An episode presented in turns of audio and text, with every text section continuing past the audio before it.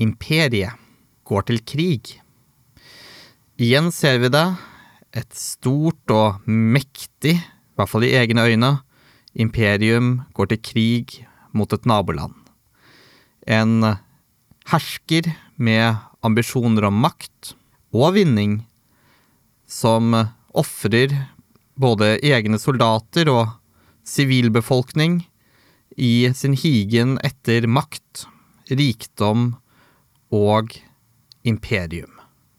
Helt siden slutten av 1800-tallet har ordet imperialisme hatt et, eh, en klang av eh, noe som skaper ubehag, og det har vært utallige forsøk på å teoretisere, forklare og bortforklare de mekanismene som ligger bak. Man har hatt veldig økonomiske teorier, man har hatt veldig militaristiske teorier, og man har hatt anarkistiske teorier om hvordan og hvorfor eh, imperier oppstår, og hva imperialisme er for noe. Mest kjent er kanskje Vladimir Lenin sin eh, beskrivelse av imperialisme, som jeg i dag i det store og hele ikke skal snakke mye om. Du lytter nå til en podkast i serien Bøker og blomster. Undertegnede kan du kalle Kamerat E. Og i dag skal vi ta et dypdykk inn i noen av de eldste, kjente eh, antiimperialistiske tekstene innenfor den, kall det, anarkistiske kanoen. I denne podkasten så skal jeg ta for meg en anarkist du kanskje ikke har hørt om. Og det er kanskje ikke så rart, siden hovedverket hans ikke ble oversatt til engelsk og utgitt i sin helhet før for bare noen få år siden. Faktisk er den eh, eldste fullt ut oversatte eh, til engelsk tilgjengelige utgaven av hans uh, imperialisme, altså kritikk av imperialisme, så sent oversatt som 2015, til tross for at vi her snakker om en tekst fra tidlig 1900-tall. Fra det første tiåret av forrige århundre. Forfatteren, Kotoko Soshoi, var en japaner fra Kall det den falne borgerskapet. Av en i en gang mektig familie som siden hadde falt både statusmessig og ikke minst økonomisk, vokste han opp til å bli en av de fremste kritikerne av keiserstyret, en av de tydeligste stemmene for sosial reform, og ikke minst også en av en håndfull personer som kunne smykke seg med tittelen Det moderne Japans første anarkister. Kotoko sin utvikling begynte fra egentlig å være konservativ middelklasseperspektiv, via sosialdemokrati, fagforeningssyndikalisme, fredsarbeid, og til slutt endte han opp med å bli henrettet Eh, mistenkt for høyforræderi og terrorisme i 1910. Starten, eller overgangen, fra 1800-tallet til det første tiåret av 1900-tallet var preget av kolonialisme. Det var preget av store, eh, mektige land, eh, stormakter, som kjempet kolonikriger. Et godt eksempel eh, på en krig som eh, på mange måter var eh, en av de første, kall det, opptaktene til de moderne krigene, er jo boerkrigen i Sør-Afrika. Det er også flere andre kriger som utkjempes, og vi ser en ny trend, eh, trend eh, ikke minst etter samlingen av Tyskland, med at de forskjellige kolonimaktene også kjemper proxykriger mot hverandre på andre kontinenter. Noe som også i dag sikkert kan gi assosiasjoner til moderne situasjoner. Og det er i dette landskapet her, da, eh, hvor Kotoko utvikler sin, eh, sin ideologi og kommer med sin kritikk av imperialismen. Her kan det jo være eh, interessant å prøve å nøste opp i hvilken inspirasjonskilder han bygger sine teorier på.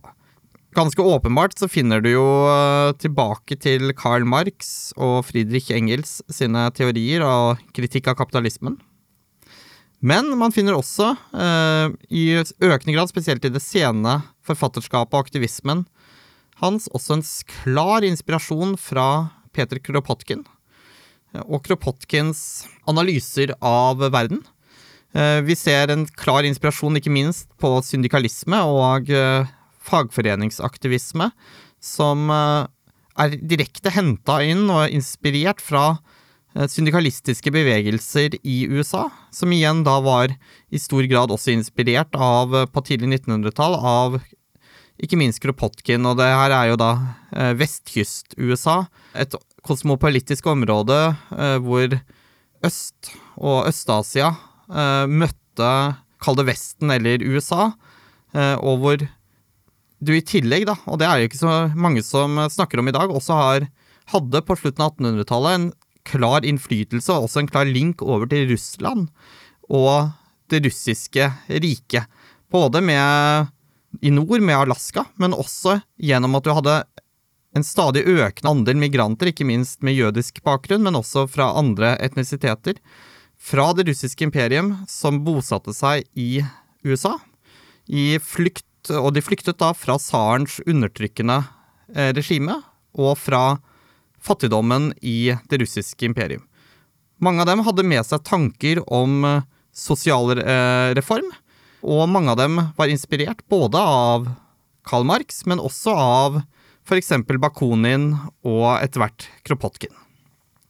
Så vi ser jo, og det er jo for øvrig også for den interesserte, samme type miljø hvor etter hvert også Emma Goldman eh, kommer til å bli en av de store folketalerne og skribentene og agitatorene for anarkisme, nettopp med å ha kontakt i disse russisk På et eller annet vis russisk eh, Ettete i den forstand av fra det russiske imperium, eksilmiljøene i USA. Så er det eh, at dette tankegodset her, om anarkisme, om sosialisme, blir oversatt etter hvert til japansk. Eh, Kotoko og i miljøet rundt han var det tidlig en forståelse for at det var for japanske aktivister på Altså er vi sånn 1890-1900 eh, måtte lære seg minst ett, helst flere, europeiske språk. Dette for å ha tilgang da til impulser utenfor på en måte det japanske keiserriket. Så det var en, hele tiden en sånn interesse for både det som skjedde i Kina, men også det som skjedde i f.eks. det russiske imperium, Vest-Europa og ikke minst i USA. USA, og det er jo vanskelig for oss i dag, kanskje, og mange i dag beskylder beskylder USA for å være imper det onde imperiet pro excellence. Ikke minst har jo det vært en gjentagende fortelling. Men tilbake på rundt år 1900 så var jo Må vi huske at USA var eh, det stedet som kanskje noe av de mest spennende politiske, idehistoriemessige, idéhistoriemessige utviklingene på den tiden foregikk. Det var i eh, arbeiderklassemiljøer i USA hvor 1. mai, for eksempel, som kampdag ble skapt. Det er der vi finner da mange av de tidlige massestreikene og hvor vi ser virkelig at streik som uh, både reformbevegelse og kampmiddel utvikles. Og dette er impulser da som blir tatt med tilbake til et Japan som er i ferd med å åpne seg opp og modernisere, uh, både og aspirere både som kapitalistisk samfunn, med stadig større og større uh, et stort økonomisk skifte. Her kan vi jo da nevne at Kotoko kommer fra en familie som Eh, på et eller annet vis også er blitt et offer for disse økonomiske endringene. En familie som ikke har vært med på overgangen på samme måte mellom eh, det føydalistiske, primært landbrukssamfunnet, over til det moderne industrisamfunnet. Videre så er det også i denne perioden eh, at det skjer en endring i, i, Japan, i den forstand at du får parallelt med den økonomiske moderniseringen en minst like rask, og kanskje om ikke mulig også raskere modernisering av det militære. For gamle strukturer med føydale militærstrukturer, som vi i dag kjenner og har blitt også popularisert gjennom filmer og bøker og tegneserier. Men uh, vi kjenner jo alle til begrepet samurai. Men her har du da en gammel krigerkultur og en føydalkultur eh, som på mange måter eh, måtte møte, men også ble utfordret av en moderne tanker om militær organisering, som da på mange måter var inspirert veldig av dels britiske militære strukturer, men ikke minst også da de militære reformene til de prøyssiske generalene på 1800-tallet, ikke minst i den utviklingen som var rundt 1870 og den tysk-franske krig og samlingen av Tyskland. Så her er vi i et, i et, samfunn som er i stor endring, men det er også et samfunn hvor endringene uh, blir framtvunget og tvinger seg fram uh, raskt og uten nødvendigvis en det en bred demokratisk forankring. Det var etter hvert forsøk på å få til parlamentarisk-lignende systemer, men disse var allikevel fortsatt, hva skal vi si da, i en uh, sped bakgrunn, og vi ser at makt, de andre maktstrukturene, maktklikkene, i samfunnet var på mange måter for dominerende. Oppi det hele her så får vi tidlig i det første tiåret av 1900-tallet en stor krig. En krig mellom det russiske imperium og Japan. Så over eh, områdene som eh, da var kjent som Korea og Manchuria. Denne krigen avstedkom også en motstandsbevegelser, eh, antimilitaristiske bevegelser, i Japan. Da var det jo ikke minst i de bevegelsene at eh, Kotoko, som jo faktisk var av en gammel samurai-familie Det er ikke bare en gammelt borgerskap, men det er faktisk en gammel samurai-familie han var fra begynte for alvor å, å bli en tydelig antimilitarist, og på mange måter også en fredsaktivist, i den forstand at han var en skarp kritiker av krigshandlinger utenfor eh, det japanske territorium, altså aggressiv krigføring. Og det er også det som på en måte ligger til grunn når vi skal se på den boken han skrev, nemlig boken som på engelsk bare har tittelen Imperialism. Uh, veldig enkel tittel, uh, men som vi kan si er inndelt i flere deler som følger nettopp opp på en del av disse strukturene. Her ser vi at han tar for seg eh, militarismen i grundighet, men hvor han også da ikke minst bygger da nettopp på fortellinger om for eksempel general Moltke sin militære reformer, han tar også for seg de forskjellige strukturene eh, av hvordan det militære systemet og militariserte samfunnet, og det er ikke minst her inspirasjon fra det prøyssiske samfunnet, også da gjennomsyrer og ødelegger samfunnet, men også eh, her, og det kan jo være interessant, at den gamle krigerkodeksen, krigerkulturen, mener han også er et negativt ting, at dette blir borte i den moderne massekrigen og den moderne totale krigstanken.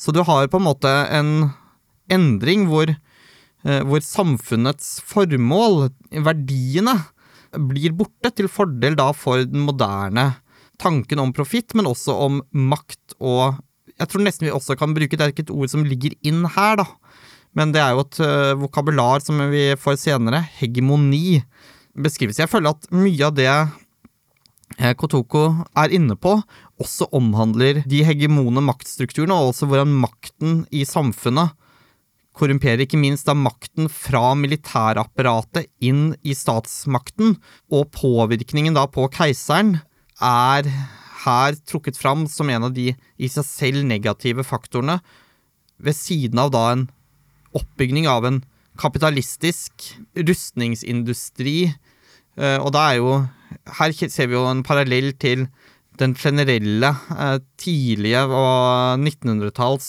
eh, fortellingen om, om rustningskrigens og rustningindustriens negative påvirkning på, på samfunnet. og hvis du har våpenfabrikker, så må du også ha noe å bruke våpnene til. Du må skaffe deg en marked, og da er jo krig i seg selv et sånt ting man gjør for å å drive dette her er jo det samme som blitt kjent som militærindustrielle kompleks fra mer moderne økonomisk teori og statsvitenskap. I tillegg så er det veldig interessant å se hvordan patriotisme nasjonalisme, identitetsbyggingen rundt liksom fedrelandstenkning, også eh, blir kritisert av, eh, av eh, Kotoko. Og her igjen kan man jo føle at leser jeg ikke også litt Tolstoy eh, inn i det? Og selvfølgelig, det er nok ganske så riktig, for i denne kritikken, denne anarkismen, er det både den, kall den syndikalistiske, marxistisk inspirerte biten, men du finner også en, en tydelighet av den, på en måte, den eh, åndelige, mer pasifistiske, anarkistiske tradisjon, som også spiller inn, ikke minst i, i eh, utlegninger om samfunnets mål og samfunnets eh, på en måte mening, eller, og individets mening. Det er lite her av den individualistiske eh, og individessensialistiske formen for anarkisme som vi finner hos f.eks. Stirner eller Nietzsche. Det er generelt sett veldig lite så vidt jeg kan lese Nietzsche inn i Kotoko sine tekster. Men det gjør ikke det at kritikken er mindre sterk. Snarere tvert imot snakker vi om en veldig klar kritikk, og det er eh, egentlig, vil jeg si, nesten merkverdig at dette ikke har blitt kjent mer utover før. For i disse tekstutdragene er, finner jeg, når jeg leser dem, at de både er kortfattede, skarpe og eh, skrevet med en klarhet og en fynde som eh, gjør de lesverdige den dag i dag. Det har jo selvfølgelig noe med oversettelse å gjøre, men det har nok også med å gjøre den kortfattede prosastilen som var lagt opp til fra utgangspunktet i det tidlige 1900-talls japanske sakprosa, saklitteraturen. Det er interessant å se referansene. Referansene er jo selvfølgelig eh, knyttet opp til 1800-tallets eh, og tidlig 1900-talls politikk.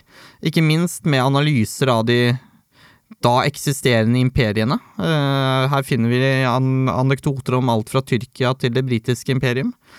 Samtidig er det også mange eksempler på hvordan de religiøse og kulturelle aspektene spiller inn. Hvor vi ser buddhistiske referanser. Vi ser, eh, som jeg nevnte tidligere, Tolstoy leke i kulissene, men det er jo da en Tolstoy tilpasset eh, Japan, og det japanske, på en måte, sosiokulturelle landskapet så er jo et sånt spørsmål vi kan stille oss om eh, er dette her egentlig relevant for oss å lese? Hvorfor skal vi lese dette? Hvorfor skal vi bry oss med å lese denne boka om imperialisme? Det er jo skrevet tusener av bøker om imperialisme. Er det fordi den forklarer imperialisme veldig mye bedre enn alle andre? Mye bedre enn Lenin? Vi kan kanskje mene at den beskriver det bedre enn Lenin, eller like dårlig eller like bra som Lenin. Men nei, det er ikke fordi at dette er den skarpeste analysen av imperialisme i seg selv. Er det fordi at vi skal lese dette fordi dette gir oss en veldig god dypdykk inn i et generelt japansk mindset? I den grad det finnes et generelt japansk mindset, så vil jeg si igjen nei, egentlig ikke. Men det er i hvert fall mulig at man kan se inn perspektiver som står noe utenfor det europeiske. Men igjen så er det en sånn liten sånn uh, ting man må ha i bakhodet, at mange av de ideologiske og filosofiske kildene som brukes her, er jo igjen hentet fra en kontekst av Vest-Europa, USA og det russiske imperium, og da igjen da fra eksilmiljøer fra det russiske imperium. Og de igjen var jo da i Vest-Europa eller USA. Så vi ser at det er jo en sånn det er en del av den samme på en måte større globale samtalen, da, eller et forsøk på å forene inn den større globale samtalen om ideologi, politikk, anarkisme og moderne kritikk av imperialisme inn i et samfunn på randen av å utvikle seg til en moderne, fullt ut moderne kapitalistisk og militaristisk stat, med en klart på en måte imperieambisjon. Også da tror jeg vi nærmer oss også kanskje å se på hvorfor man skal lese dette. I seg selv er det nyttig å lese mye og bredt, men nettopp fordi at kanskje ikke alle andre har lest akkurat dette, så er det også nyttig å lese det som en liten påminner om at det er mange som har skrevet om de samme tingene, eh, omtrent samtidig. Denne kritikken av imperialismen kommer jo ut før på en måte Lenin har rukket å bli liksom den store som alle skal referere til på temaet imperialisme. Med andre ord ser vi her en tidligere kritikk, på mange måter, eller samtidig kritikk, som er nyttig å ha med seg, ikke minst som en slags form for Det er jo populært med vaksiner i disse dager. Eh, vaksine mot å tenke at enkelte døde menn var liksom At det var liksom de fem store, eller de fem eh, eneste som har i en sånn rett linje nedadstigende kritiserte. Så i dette så ligger det også en kritikk som vi godt kan lese i dag, av eh, grunner til å kritisere på en måte den ensrettingen av kritikken som spesielt marxist-leninismen og videreført i maoismen har som sin forklaringsvariabel. Og så kan man jo si at dette ikke nødvendigvis er den beste, eller at det er kritikken av imperialisme, og det finnes mange alternativer. Jeg tenker nettopp det er helt fair å si. Og jeg tenker det er også litt derfor man skal lese det, fordi man skal lese forskjellige ting, men også si at det ikke er en sånn én forklaring som ligger eh, i liksom idéhistorien, men dette er noe som vi ser egentlig at det er mange som har kritisert. Det er mange retninger, og det er mange måter man kan observere empirisk og se det samme. Det er ikke slik at det var liksom noen geniale og de geniale var eh, de fem store, liksom. De, ja, og nå tenker vi selvfølgelig de fem eh, eh, i den marxistiske kanon. Det var liksom ikke fem evangelister eller profeter. Nei, de var også eh, folk som skrev om ting som var radikalt, kanskje, men ikke nødvendigvis enestående i sin samtid. Og det at de har fått den rollen de har fått, har nok mer med, kall det, politiske strukturer å gjøre. Kotoko, eh, sammen med den nærmeste gjengen av anarkister i Japan, ble forfulgt. De ble fengslet, de ble dømt, og de ble henrettet. Og der stopper på en måte mye av den bevegelsen de skapte. Den levde jo videre og inspirerte jo opp gjennom både 1920-tallet og i etterkrigstida, og også i dag, i det moderne Japan, anarkistiske bevegelser. Men store deler av de bevegelsene som hadde blitt skapt, ikke minst eh, med syndikalistisk preg og fagforeningsaktivisme, ble jo etter at uh, klikken rundt Kotoko og gjengen med anarkistisk innflytelse, etter at de ble heftig slått ned av politi og stat, så var det sosialdemokrater og kommunister mer lojale til etter hvert det som blir det politiske prosjektet i Sovjetunionen, som får overtaket og dominerer da det, kall det den japanske venstresiden og motstanden mot eh, keiserregimet og mot eh, de fremtidige militærdiktaturene og hele det imperiebyggingen, da, kan vi jo si, i Japan, da. Og der er vi jo inne ved kanskje litt av hvorfor vi i dag skal lese lese da fra et anarkistisk perspektiv og et syndika mer syndikalistisk perspektiv kritikk av imperialisme og militarisme i dag.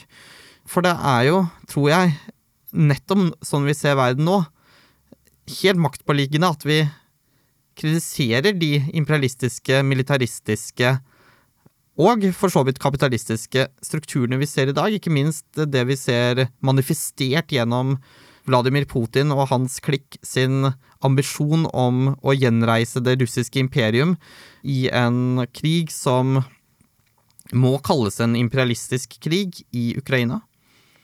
Likeledes så er det også viktig at vi kritiserer den amerikanske krigføringen, som eh, har pågått og pågår rundt omkring i verden, og med forsøk på å opprettholde en interessesfære, kombinert med en eh, eller forlengelse av en interessesfære, også en påvirkning både med soft power og hard power, og med soft power både den hva vi kan kalle overført eh, kulturelle eh, biten og kulturelle påvirkningen, men også den eh, klare økonomiske dominansen som ligger inn i det begrepet.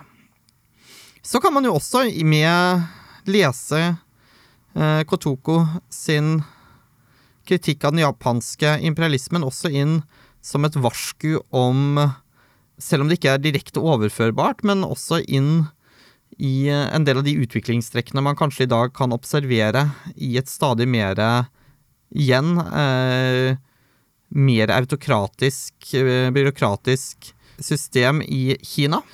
Eh, og vi ser her da at den kritikken som på mange måter kommer mot nettopp et land som har vært, eh, og et regime som er preget av konfusianisme, av en del av disse idealene, da, Eh, som ofte er forbundet med de ulike liksom, buddhistiske og eh, konfusianistiske retningene, nettopp også kan spilles inn i kritikken mot dagens Kina.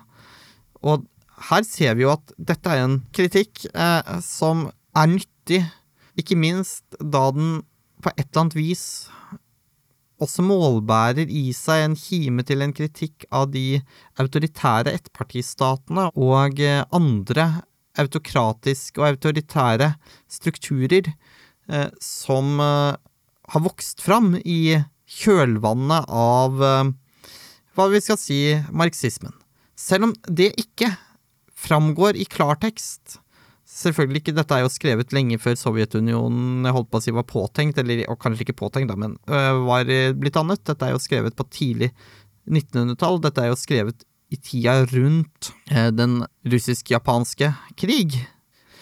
Finner vi allikevel her, i og med at dette her er en kritikk som er skrevet i en annen tid, utenfor øh, Europa, også en mulighet for å finne en kritikk som kan være relevant og interessant inn i forståelser av dagens eh, geopolitikk og militarisme og imperialisme eh, fra mange hold i for eksempel Stillehavsområdet og ikke minst i Øst-Asia.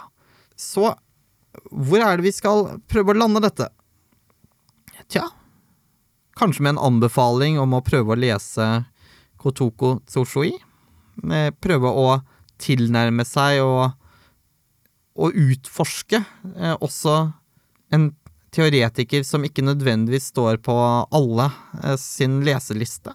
Om ikke annet så kan du jo da brife med et eller annet på neste fest, eh, når du snakker med en die hard eh, Lenin-fan, og kunne komme drassende med Ja, men uh, har du lest uh, Kotoko sin imperialisme. Men i hvert fall, man kan jo lese det fordi det også er Hva skal jeg si? Nesten poetisk skrevet. Imperialism, a wildfire in an open field. All nations bow down to worship this new god, sing hymns to praise it, and have created a cult to pay it adoration. Her ser vi Kotokos beskrivelse av imperialisme som noe i seg selv som spres utover verden, som en kombinasjon av både det nye kapitalistiske samfunnet, men også ikke minst militarismen, patriotismen og nasjonalismen, og hvordan dette virker sammen. Dette var for øvrig eh, det første korte avsnittet av uh, hans bok om imperialisme. Og jeg syns det er en, på mange måter en fin uh, avrunding på denne episoden av Bøker og blomster. Undertegnede kan du kalle Kamerat E. Med meg i studio og ved teknikk så har jeg hatt god hjelp av Felix. Podkasten er spilt inn uh, her på Uffa-huset, hvor gamle punkere tramper rundt i korridorene. Og til slutt, siden du, hvis du fortsatt lytter, da, tusen takk for at du fortsatt lytter. Og for at du har lyttet.